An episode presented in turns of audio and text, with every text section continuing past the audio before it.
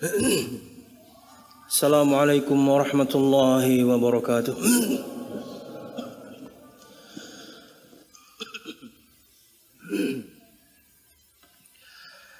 إن الحمد لله نحمده ونستعينه ونستغفره ونعوذ بالله من شرور أنفسنا ومن سيئات أعمالنا.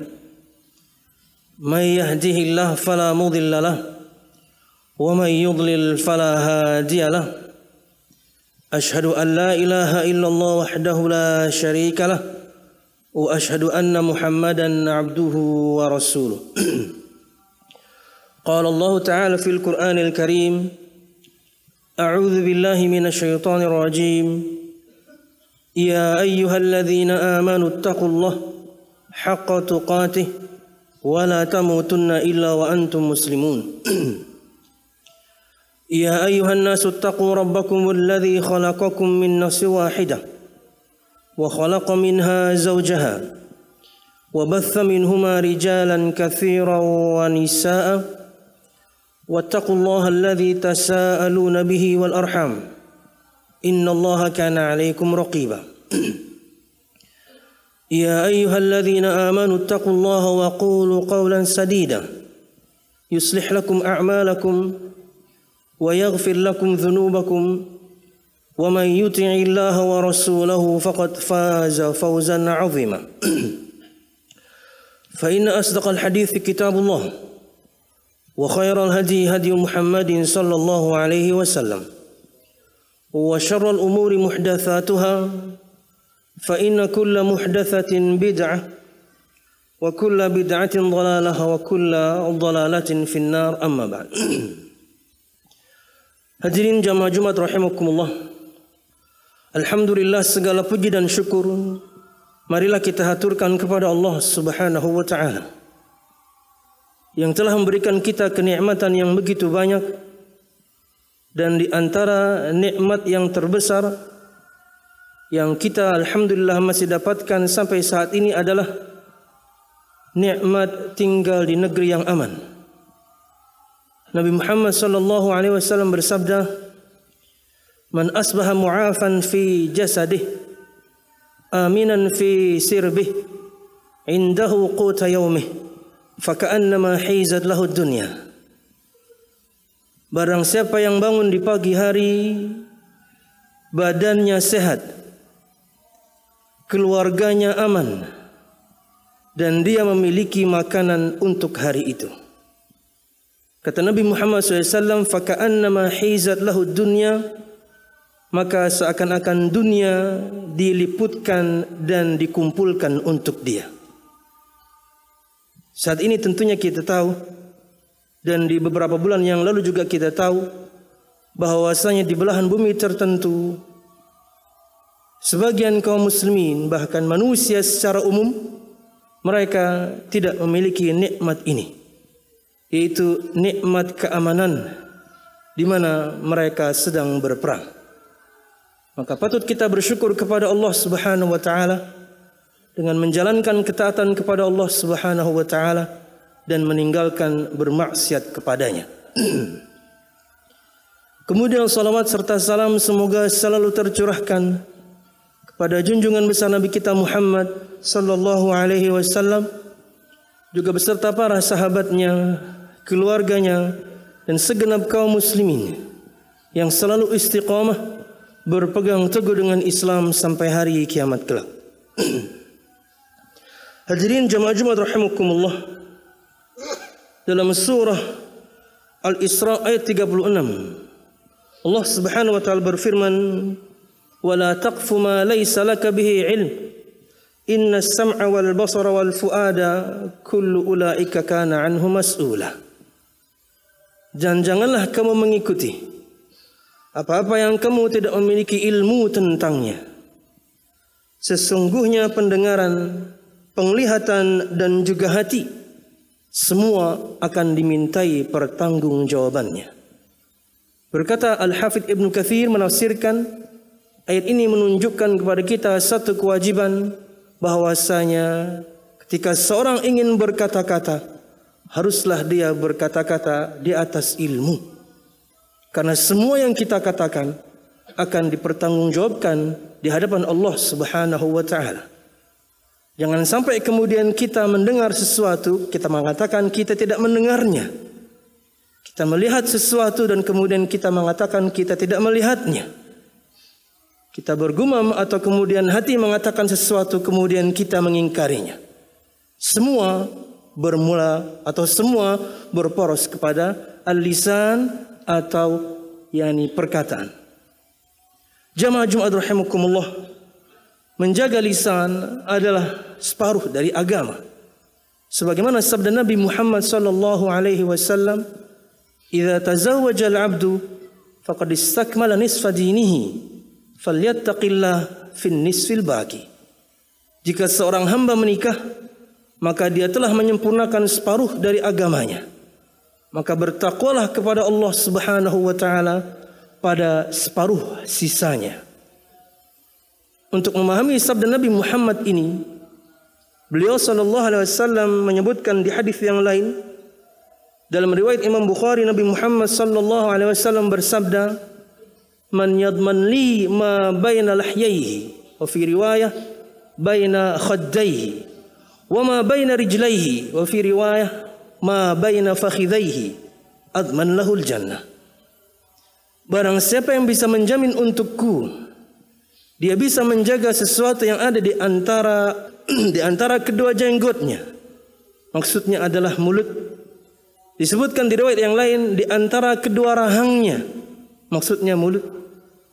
Dan dia bisa menjaga sesuatu yang ada di antara kedua kakinya dalam riwayat yang lain kedua pahanya. Maksudnya adalah kemaluan. Atman lahul jannah. Aku jamin untuknya surga. Hadis inilah yang menerangkan hadis sebelumnya.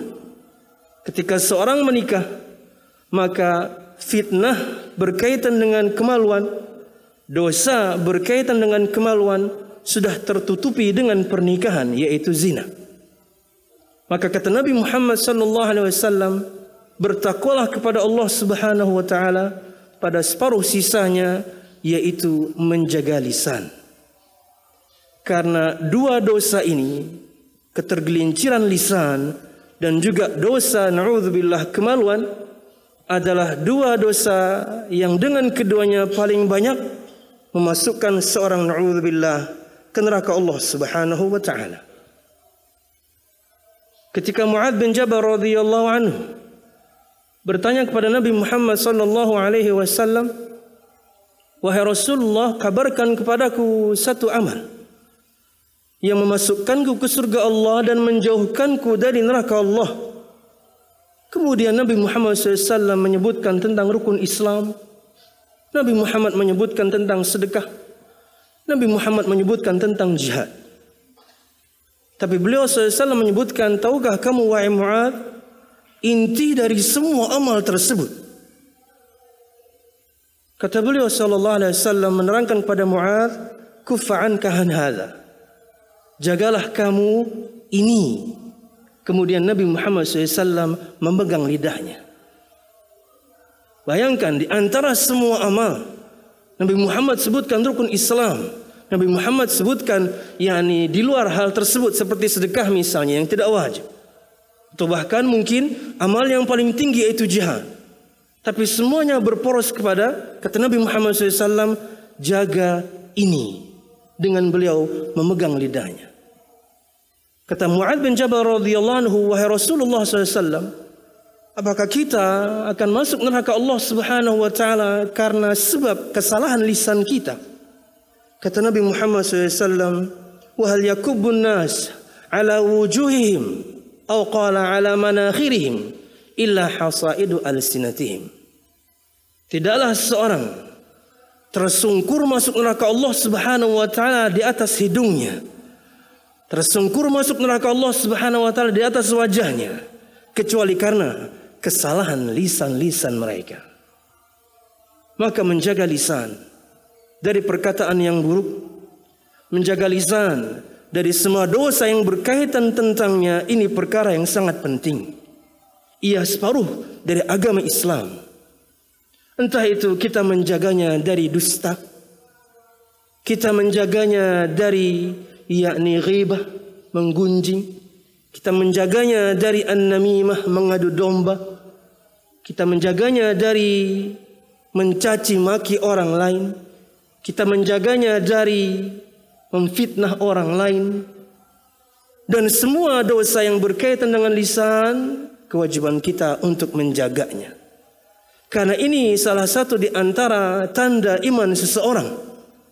Kata Nabi Muhammad sallallahu alaihi wasallam, dalam hadis yang disebutkan oleh Imam Bukhari dan juga Muslim man kana yu'minu billahi wal yaumil akhir falyaqul khairan aw liyasmut barang siapa yang beriman kepada Allah Subhanahu wa taala dan hari akhir maka hendaknya ia berkata baik atau diam tanda iman seseorang seorang itu akan ditunjukkan imannya dari perkataannya apakah yang keluar dari lisannya adalah kebaikan. Jika dia belum bisa, belum mampu untuk berkata-kata yang baik, dalam hal ini mungkin atau konteks zaman sekarang tulisan yang baik, maka minimal dia diam. Inilah di antara tanda keimanan seorang kepada Allah Subhanahu wa taala dan hari akhir. Tidaklah keluar dari lisannya kecuali kebaikan. Nasihat, zikir kepada Allah, salawat dan lain sebagainya. Siapapun di antara kita tentunya untuk kasus zaman sekarang ingin sekali berdakwah. Semua kita tahu akan keutamaan berdakwah. Bahwasanya tidak ada perkataan yang lebih baik dibandingkan seorang yang menyeru kepada Allah Subhanahu wa taala. Maka jamaah Jumat rahimakumullah dalam dakwah pun perkataan yang keluar dari lisan kita janganlah perkataan yang keji. Janganlah keluar dari lisan kita walaupun niatnya baik adalah perkataan yang buruk, perkataan naudzubillah seperti kata umpatan. Karena di antara sifat seorang muslim, sifat seorang mukmin, lisannya baik tidak keluar dari lisannya kecuali kebaikan. Nabi Muhammad SAW bersabda, Al-mu'minu laysa al-mu'minu bit-ta'an wala al-la'an wala fahishal baghi. Tidaklah seorang mukmin itu orang yang suka mencaci maki. Orang yang suka melaknat. Orang yang perkataannya keji lagi kemudian kotor dan jorok. Disebutkan dalam sebuah istilah dalam bahasa Arab likulli ina'in kullu ina'in bima fihi yandhahu semua ketel akan mengeluarkan isinya Artinya ketika seorang berkata-kata yang baik itu pasti timbul dari hati nuraninya yang juga baik. Dan ketika seorang perkataannya buruk maka tidak lain kecuali memang hatinya buruk. Inilah yang kita takutkan. Ketika seorang naudzubillah terbiasa dengan caci maki, terbiasa dengan kata umpatan, terbiasa dengan perkataan yang keji dan juga kotor dan jorok, itu menunjukkan naudzubillah akan kotornya hatinya. Tidak ada di dalam hatinya kebaikan.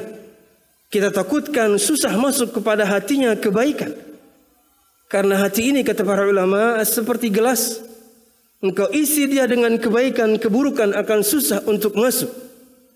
Tapi berlaku sebaliknya. Engkau penuhi dia dengan keburukan, maka kebaikan pun susah akan masuk. Jamaah Jumat rahimakumullah. Nabi Muhammad sallallahu alaihi wasallam menasihati sahabatnya bernama Sa'ad bin Abi Waqqas radhiyallahu anhu perintah beliau agar beliau radhiyallahu anhu menjaga lisannya menguasai lisannya. Tidak berkata-kata kecuali yang baik. Kata beliau sallallahu alaihi wasallam ilzam baitak wamlik alayka lisanak wa khudh ma tu'raf wa da' ma tunkar. Alayka bi amri khassati nafsik waja'anka amrul am.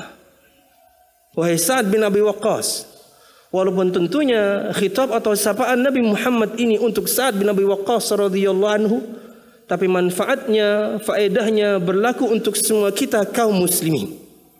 Kata beliau sallallahu alaihi wasallam, "Ilzam baitak." Lazimi rumahmu, sering-sering di rumah. Artinya ketika tugas kita sudah selesai, kerjaan kita sudah selesai, segeralah pulang pulang ke rumah. Wa mlik 'alaika lisanak dan kuasailah lisanmu sebagaimana pembahasan kita sebelumnya dari firman Allah dan juga sabda Nabi Muhammad sallallahu alaihi wasallam. Kata beliau sallallahu alaihi wasallam, "Wa khudh ma tu'raf, ambillah yang ma'ruf." Maksudnya, lakukan perbuatan yang ma'ruf, yang baik. Wada' ma tungkar dan tinggalkan perbuatan yang diingkari. Entah itu diingkari manusia karena keburukannya, apalagi yang diingkari syariat Allah Subhanahu wa taala karena keharamannya. Kata beliau sallallahu alaihi wasallam, "Alaika bi amri khassati nafsik." Uruslah urusanmu sendiri. Wada' alaika amral 'amah dan tinggalkan urusan orang lain. Kata-kata yang buruk keluar dari lisan ini bermula dari biasanya karena kita berusaha mengurusi urusan orang lain. Akhirnya timbullah dari lisan ini menggunjing. Timbullah dari lisan ini memfitnah timbullah dari lisan ini perkara-perkara yang buruk yang lainnya. Karena asalnya adalah anda suka ngurusi orang. Urusi urusanmu sendiri kata beliau SAW dan tinggalkan urusan orang lain. Ketika pertama kali kemudian kita memulai diri ini untuk mengurusi orang lain akhirnya semua orang akan anda komentari. Semua orang akan anda dapatkan keburukannya dan kalau sudah anda dapatkan keburukan seorang tidak afdol kalau tidak membicarakannya. Ya, itu sudah urutannya. Apalagi misalnya seorang na'udzubillah berusaha mengurusi urusan orang lain dan dia mencari-cari kesalahan orang tersebut yaitu tajassus. Anda pasti dapatkan kesalahan orang tersebut siapapun dia. Jangankan kita umat Nabi Muhammad yang biasa ini. Anda berusaha untuk mencari aib seorang sahabat, Anda pasti temukan. Anda berusaha ingin mencari aib seorang sahabat Nabi Muhammad SAW, Anda pasti temukan. Tapi kan tidak ada manfaatnya. Apalagi kita. Ya, sementara saja Anda kemudian berusaha mencari-cari kesalahan seorang, bahkan mungkin Anda hanya ingin mencari satu kesalahan saja, 10, 20, ratusan Anda akan dapatkan dari kesalahan orang tersebut. Ketika sudah anda dapatkan, kalau tidak dibicarakan, tidak enak, tidak afdal, tidak nyaman. Karena anda sudah bersusah payah mencarinya. Anda sudah bersusah payah untuk mencari kesalahan orang tersebut. Ketika sudah didapatkan, tidak afdal kalau tidak diceritakan kepada yang lain. Na'udzubillah. Jamaah Jumat rahimakumullah. Urusi urusanmu sendiri. Tinggalkan urusan orang lain. Lain ceritanya kalau ada seorang datang kepada anda minta nasihat. Berarti anda adalah orang yang dia percayai. Anda berarti orang yang dia anggap bisa memegang amanah. Hingga kemudian dia menceritakan satu aibnya. Maka tugas anda menasihatinya. Memberikan kepadanya solusi. Aibnya tetap anda tutupi. Karena magnet mengetahui aib orang itu luar biasa. Magnet untuk menceritakan. Tidak afdol kita pendam sendiri. Minimal sekali kita ceritakan ke pasangan. Jangan menjadi orang yang kemudian nanti di hari kiamat menjadi orang yang bangkrut, merugi, pailit karena kita telah menggibah saudara kita sama kaum muslimin. Punya salah dia, Anda mengetahuinya, ingkari kesalahannya, nasihati orangnya, tutupi aibnya. Karena suatu saat Anda di posisi teman Anda tersebut, anda akan mengharapkan ada teman yang datang untuk menasehati, mengingkari kesalahan Anda dan menutupi juga aib Anda. Wallahu a'lam bishawab. Kata Nabi Muhammad SAW, sering-seringlah di rumah, milikilah lisanmu, jaga lisan dari semua yang Allah Subhanahu Wa Taala haramkan. Karena kebanyakan orang masuk neraka Allah Subhanahu Wa Taala karena sebab dosa lisan yang orang anggap itu biasa. Bahkan kata Nabi Muhammad SAW, La yaralaha balan. Ketika dia mengatakan perkataan yang Allah murkai. Yang Allah yakni haramkan. Gibahkah itu? Fitnahkah itu? Duskakah itu? Dustakah itu? La yaralaha balan. Orang ini menganggapnya itu perkara biasa. Ringan saja untuk dia. Padahal dengannya. Dia akan masuk neraka Allah subhanahu wa ta'ala. Sering-sering di rumah. Jagalah lisanmu, Kemudian kata Nabi Muhammad SAW melakukan kebaikan, tinggalkan kemungkaran, urusi urusanmu sendiri dan tinggalkan urusan orang lain. Aqul qawli hadha wa astaghfirullah li wa lakum wa li sa'iril mu'minin fastaghfiruh innahu huwal ghafurur rahim.